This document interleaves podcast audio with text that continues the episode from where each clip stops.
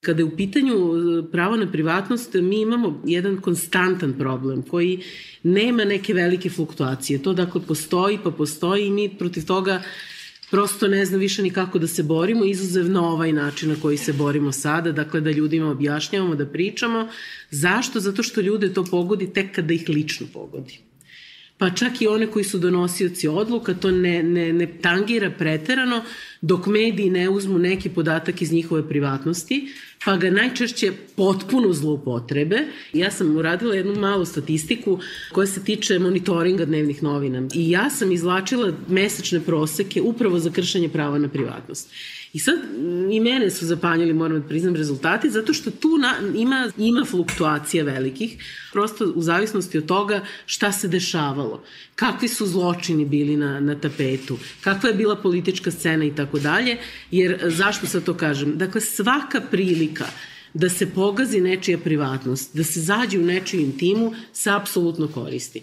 Političke okolnosti, ako, to, ako su odgovarajuće, upotrebi se to. Ako se desi niz samoubistava, niz nasilja nekih u porodici, niz femicida i tako dalje, dakle, mediji e, ne, nekontrolisano koriste tu privilegiju da imaju moć pa da objave nešto što ne bi trebalo. 2015. godine mesečni prosek, mesečno je ovo pravo kršeno u 84 slučaje, prosečno dakle. 2016. imamo duplo više, 168 slučajeva mesečno. Onda 2020. godine, tu je i već i COVID i tu sad bilo je dosta nasilja u porodici i tako dalje, 252, da bismo pretprošle godine, 2021. imali čak 354 slučaja na mesečnom nivou ali je bitno reći da svaku situaciju koju mogu mediji koriste da bi zloupotrebili ili upotrebili nečiju privatnost. To je u poslednje vreme naročito vidljivo na političkoj sceni. Mislim, vidljivo je godinama, ali recimo sad ovde imamo poslanike od, od povratka opozicije u Skupštinu, naročito je nekako uh, zastupljeno. Ti moramo naći način da se s tim izborimo. Prosto ne znam u ovom trenutku kako, izuzev evo ovako, da pričamo, da ljude upozoramo, da kažemo, hej, to može i tebi da se desi. Dakle, ne moraš da budeš poslanik, ne moraš da budeš pevačica, ne moraš da budeš novina, ne moraš da budeš aktivista. Ne samo što može tebi da se desi, može tebi mrtvom da se desi. Može nekom tvom mrtvom da se desi. Može da ti uništi život. Može da ti uništi dostojanstvo, može da ti uništi sve. I e, smrt takođe te ne štiti od kršenja prava na privatnost, naprotiv. To kršenje prava na privatnost ranije je bilo kao je sad neko objavi ko je čiji ljubavnik. To više nije u trendu uopšte. Sada su u trendu podmuklije forme. Mi smo videli recimo sad u poslednje vreme da se izvuče neki detaljčić iz privatnog života nečeg, pa se to potpuno ispino, izokrene i onda se to plasira na naslovnu stranu. Ali taj trend je nekako polako, ovaj, polako stvaran. Mi smo imali meni omiljeni slučaj Kristine Kovač 2017. godine kada je žena na svom Facebook profilu napisala jedan status onako običan koji svako od nas piše da je to ona je uspešna muzičarka x godina, tada je živjela u Srbiji, a nije, nije uspela da ništa stvori. Nema auto, nema stan, nikakvu imovinu i tako dalje. Htela je prosto da podsjeti na činjenicu da ovde kvalitet života ne odgovara kvalitetu čoveka koji ga živi, najčešće. Međutim, mediji su to potpuno izokrenuli, tako da su sutradan, a već isto veče na portalima, a sutradan u print izdanjima medija, izašli naslovi Nemam ni stan, ni kola, ni zdravstveno osiguranje. Stvorila je hitove, a bori se za egzistenciju. Znači, bili su naslovi kao da žena bukvalno gladuje. Niti je to bila njena namera, niti ona to napisala. Ona jeste napisala nemam stan, nemam tako dalje, ali ona nije napisala je ja sam, pomažite mi, ja prosim. Mislim, to, to je tipična zloupotreba privatnog života. Kršenje prava na privatnost se dešava i kao kolateralna šteta, uslovno rečeno. Pa imamo čuveni, čuveni slučaj ko prati medijsku scenu, zna za slučaj Igora Vukotića kažem ime, iako je čovek promenio ime umeđu vremenu, promenio ime umeđu vremenu zato što se njemu desila jedna potpuno kafkijanska stvar, ne znam kako drugačije to da objasnim.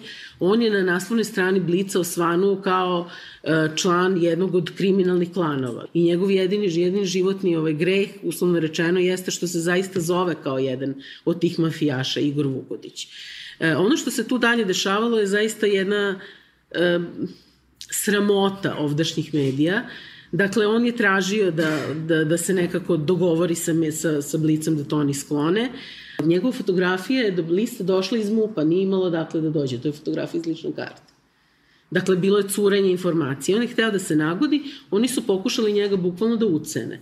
Dakle, daćemo ti novac, a ti nemoj da nas, da nas tužiš. On je čovjek promenio ime, žalio se savjetu za štampu, ne znam kakav je sad trenutno njegov status. Ne znam ja, Aha. Znači dobio je 200.000 dinara na sud.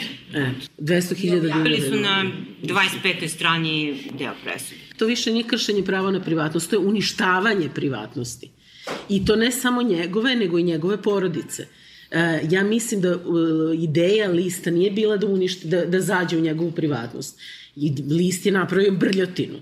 Posle se obrukao pokušavši da ga pod, podmiti, ali je zapravo uništavanje privatnosti nastalo kao kolateralna šteta, a dimenzije su neverovatne. Ja ne mogu ni da zamislim kako je to uticalo na život njega i njegove porodice ako on mora na kraju da menja ime. Verovatno je promenio adresu stanovanja i tako dalje. Za sve to dobio 200.000 dinara, samo zato što je tamo neki policajac izvukao pogrešnu sliku iz pogrešne lične karte i protivno pravilima, protivno kodeksima i policije i, i medija, protivno zakonima, pustio to u medije, odnosno dao medijima na korišćenje. Posebno opasno jeste kršenje prava na privatnost uz dobre namere. To imamo, tu situaciju imamo kad god se izgubi neko dete, kad god smo, bože moj, svi strašno zabrinuti za sudbinu ovog ili onog maloletnog lica i onda objavljujemo nemilice fotografije i podatke iz života tog deteta. Time uništavajući i intimu deteta i intimu familije. A pošto je u pitanju maloletna osoba, uništavamo čitav jedan život. Dakle, to nije život u koji sad mediji dođu pa ga uruše, nego život koji bi tek trebalo da počne, mediji ga unapred uruše. Mi smo imali tu situaciju sa malšanskim berberinom, to se sećate, ali smo recimo nedavno imali slučaj dečijeg sela u Sremskoj kamenici, čiji su štićenici ovaj, u jednom trenutku nestali.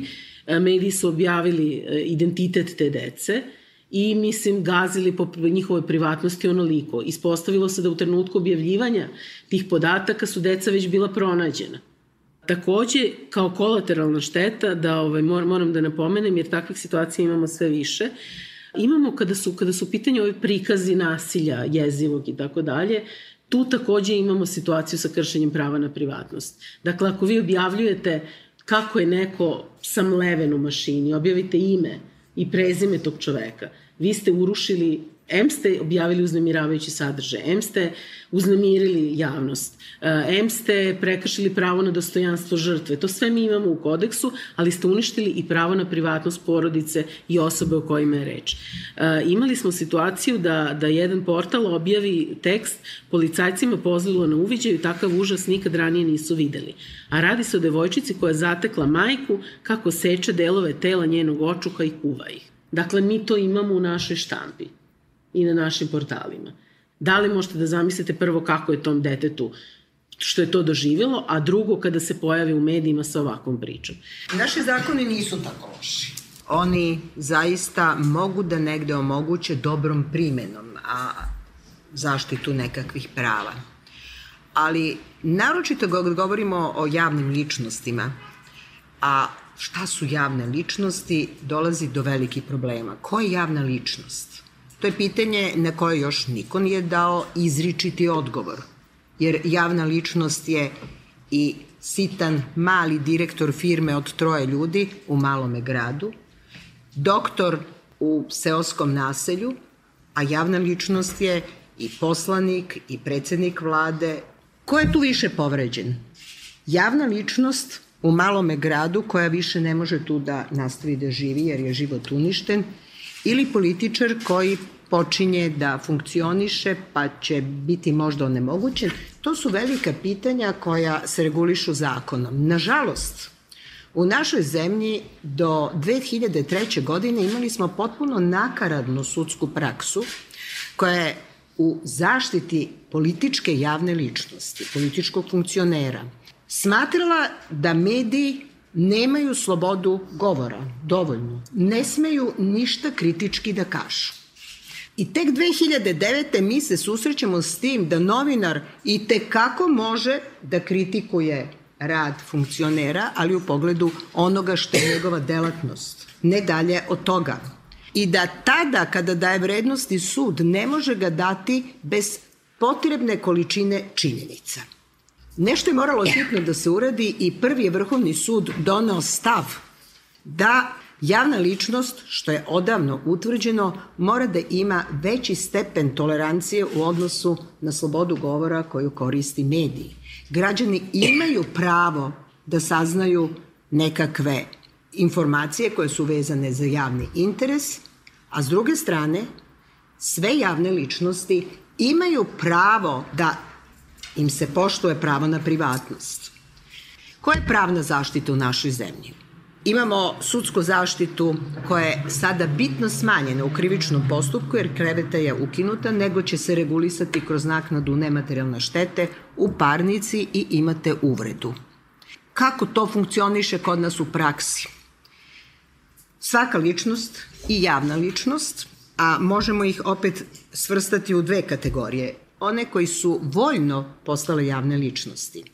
To su filmske zvezde, to su pevači, medijske ličnosti i oni žele negde nekakvu e, reakciju medija na njihovo delovanje i oni koji zbog svoje funkcije koje obavljaju delatnosti postaju javne ličnosti. Najčešće tad govorimo o političarima, ali veoma često, naročito u malim sredinama, govorimo o ljudima koji inače nisu javna ličnost, ali postaju javna ličnost kada se čoveku koji ima svoju poslovnu karijeru e, svrsta sve sa slikom da je član nekakvog klana. Daću jedan primer iz naše prakse. Kod nas su, dnevni list Kurir je objavio različite slike naše glumice Danice Maksimović koja je bila na nudističkoj plaži. Žena je odreagovala jer su slike bile, eto, nama nove porno zvezde, ne glumice koja ima svoju vrlo ozbiljnu karijeru, nego porno zvezde. Prekršene su tri tačke kodeksa, utvrđeno je nepoštovanje privatnosti, prečutkujanje određenih činjenica koje su bile propraćene u tekstu koji je pratio sliku ili je slika kao ilustracija pratila tekst tačnije i korišćenje nečasnih sredstava prilikom pribavljanja te slike i objavljivanja svega. Gomila kršenja.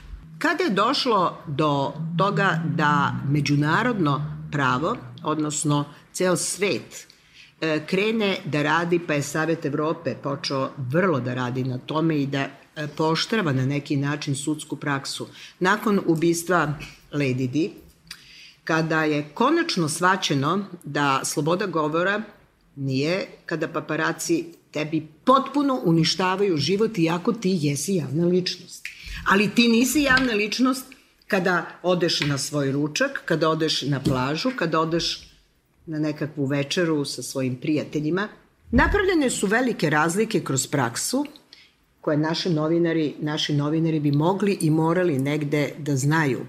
A to je kako će se izveštavati kada se slika i napiše članak kada javna ličnost, neki političar, recimo, i napravljene su određeni standardi koji postoje i koji kašu. Ako javna ličnost na letovanju u jednom poznatom restoranu ruča sa svojom porodicom, on ima svoju privatnost i nema pravo niko da to zabeleži bez saglasnosti, objavi sliku, piše članke. Ali ako je to restoran u kojoj se zna da je meni za jednu osobu kao što postoje na svetu, kažem vam, pravljeni su standardi koji važe, da je košta meni za osobu 500 evra. Onda se postavlja pitanje da li imaju mediji pravo da obaveste javnost otkud političaru, javnoj ličnosti, novac da svoju šestočlanu porodicu izvede na večeru, kada ili ručak, kada ukupan zbir minimuma e, tih troškova za takav obrok iznosi dve mesečne plate ili tri mesečne plate tad već imaš mogućnost da komentarišeš tačko nešto. Javnost ima pravo da zna da li sin nekakvog našeg političara se pojavljuje u kafani sa nekim ko je iz sveta kriminala.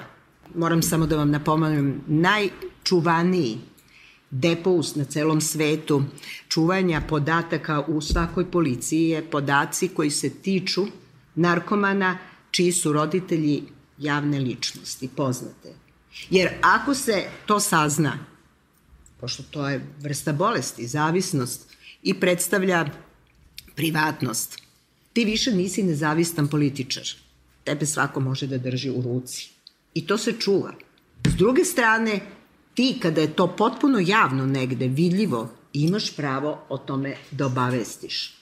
I stalno su u igri slobode govora i čuvanja privatnosti, prava privatnosti koje svaki građanin ove zemlje ima.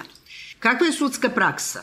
Najveća kazna izrečena je upravo za glumicu, ne znam ni ime, u malom mestu, potpuno anonimnu. Zašto? Zato što je rečeno u malom članku koji je napisan u maloj novini, a u malom gradu, da je ona prostitutka i da ona u stvari pravi filmove, kako se to zove, za odrasle. Naravno, uništili su je tu njenu glumačku karijeru, uništili su nju kao ličnost, uništili su sve i to je najveća kazna, najviša koja je bila do pre godinu dana. Ta kazna je milion dinara. Nije to kazna, to je naknada nematerijalne štete, nema kazne. Imate situaciju gde političari tuže i oni tuže tako što to liči na slab tužbu često. Da. Gospodin Mišković je podnao nekih 15 tužbi. Vrednost je bila uglavnom 12 miliona koja se traži za naknadu nematerijalne štete. Nikad nije dobio više od 400.000 dinara. To je bila najveća od te gomile tužbi. E, naravno, kada mediji dobiju tri takve tužbe sa 12 miliona, on propada ali ja nemam tu uopšte milosti za medij, nek se ponaša u skladu kodeksa, u skladu zakona i on neće imati takav problem.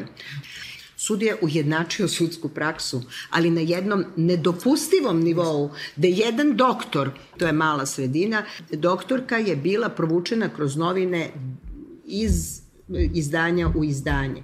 Ona više nije mogla da radi, jer kako je provlačena? Ubila je dvoje dece, nije lečila kako treba, nije profesionalna, bavi se politikom, a ne leči decu, radilo se o pedijatru, uništena je. Ona se obraćala savetu za štampu, ali se obraćala i tužbom za naknadu nematerijalne štete. Ta naknada štete više nije satisfakcija za ono što je doživela. I mora da se menja ta praksa, ali to je veoma teško. Jer onda portali kažu, ali mi propadamo, neće propasti ako se ne ponašaju tako na taj način da to sve urade. Ja ću sad govoriti isključivo iz pozicije organizacija koja štiti u medijskoj sferi decu. Namerno ću ispričati poslednji primer uh, zato što smatram da sada više se ne radi samo o izbegavanju kažnjavanja, nego jednom vrstu podsmeha koji se uh, usmerava ka organizacijama koje se bave ovim poslom. Prošle godine se u uh, realitiju zadruga našla maloletna e, devojka. Po svim zakonima ove zemlje to je dete. Znači, e, ono što zaboravljaju e, organi koji treba da se bave zaštitom dece vrlo često u našoj praksi to znamo je da je dete svaka osoba do navršene 18. godine. Tako da kad mi podnesemo prijave za recimo devojčice koje imaju 16 ili 17 godina, konstantno nam se vraća lopta pa kakve su to devojčice o tom nonsensu ne želim ni da komentarišem. Mi smo devojka koja se našla u realitu je trpela i emocionalno i fizičko zlostavljanje partnera sa kim je zasnovala vezu u tom realitiju. Mi smo, znači, apsolutno čitav zakonski redosled ispunili. Prijavili smo Centru za socijalni rad, MUP-u, Ministarstvu za brigu o porodici i demografiju, REM-u, regulatornom telu. Znači, apsolutno smo pokrili sve institucije, da ih sad ne nabrajam, uključujući Ministarstvo kulture. Svi su nekako levak na kraju, što se tiče medijskih prekršaja, gurnuli ka REM-u. Ne bih vam sad pričala da je podjednako strašna reakcija Centra za socijalni rad, koji je poslao dopis u kome, u kome kaže da, citiram, devojka tvrdi da nasilja nije bilo, a mi smo uputili snimke na kome partner šamara, šutira nogama, udara je glavu u zid i tako dalje. Jedina institucija koja je reagovala uključujući sve svoje mogućnosti za reakciju je bio MUP. No vratimo se REM-u, pošto je to tema. Znači, REM nam je na, prvu, na prvi podnesak tražio dopunu a dopunu je tražio da tačan minut damo, tačno vreme u kome se odvijalo nasilje, pošto se radilo o nasilju koje se dešavalo duboko u noć, A, nažalost, na skrinu vi nemate tačno vreme. Mi smo mogli isključivo nekim a, premotavanjima, pa sad nismo nikako mogli da udesimo i dali su nam rok da tu dopunu a, damo za, čini mi se, 10 dana. Mreža organizacija za decu Srbije koja se pridružila a, našoj inicijativi i podržala ovu prijavu, i mi smo sve to dopunili da bi nam REM vrlo ironično, mogu da vam prosledim taj uh, ovaj odgovor, odgovorio kako je umeđu vremenu vreme za reagovanje isteklo. Ali ja bih sad samo htela da skrenem šta se dešava s decom koje nisu žrtve. Šta se dešava s decom koja su posmatrači tog zuluma medijskog na decom? Pa ono što vam odgovorno kažem da su jako uplašeni. Vi imate tačno dva fenomena. Jedan je strah ali drugi koji je podjednako opasan je desenzibilizacija. Kao, pa dobro, šta sad? Ne vide se posledice po decu koja su preživela medijsku torturu. Ja ću vam samo reći da dve devojčice koje su bile finalistkinje show, reality show programa takmičenje za prikazivanje talenata zapravo su jedno, jedna klanica za decu u kojoj se deca eksploatišu najstrašnije. Dve devojčice su završile na hospi, hospitalizaciji u Palmotićevoj mi vi znate da u ovom trenutku jedno dete živi u zadruzi. Znači, to dete praktično je rođeno u zadruzi i njegova eksploatacija će verovatno nastaviti uz eksploataciju njegove majke, ne znam do kada. A, šta mi nailazimo kao, između ostalo kao problem? Prvi je što nemamo definiciju šta je reality program. A samim tim što nemamo definiciju šta je reality program, mi kao organizacija ne možemo da recimo podnesemo e, zahtev za unošenje člana o zabrani učešća dece u reality programima, što bi bilo fantastično. Jer to bi bio jedini način, pošto ste imali dve, tri maloletnice do sada u realitima, sada imamo dete, šta je sledeće? Imamo nekako i primere vršnjačkog nasilja. To više nisu slike, to su snimci koji idu iz dana u dan i koji se dele dobronamerno da bi skrenuli pažnju na decu koja su vandali ovakvi onakvi napadaju ono jadno dete, ne shvataju da tim ne čine dobro ni žrtvi, detetu koja je žrtva, ni detetu koja je nasilnik, jer ne znaju šta iza cele priče stoji. To često radimo i mi svi odrasli i ljudi koji se bave zaštitom dece iz dobre namere mi samo produbljujemo tu priču. Zlopotrebljavaju se roditelji dece koji iz raznoraznih razloga dolaze kod novinara sa svojim tužnim pričama. Mislim da se u našoj zemlji svaki drugi brak koji je, da kažemo, jedan težak razvod završi u novinskim na novinama, na portalima, sa sve slikama, sa prepiskama dece, sudskim presudama i tako dalje imamo prilike da vidimo različite usvojenja, pa čak i u Skupštini imenom i prezimenom dete koje se priprema za usvojenje se iznosi javno nad govornicom, ne znajući da je iznošenje tih podataka krivično delo i da je zato zaprećena i kazna zatvora. Su ti podaci i ti postupci zatvoreni za javnost s razlogom. Ovamo smo kao za nultu toleranciju i zabranu bilo kakvog oblika nasilja, a toliko ga promovišemo na raznorazne načine i kod nas zaista žrtve nasilja i počinioci postaju u nekom momentu javne ličnosti.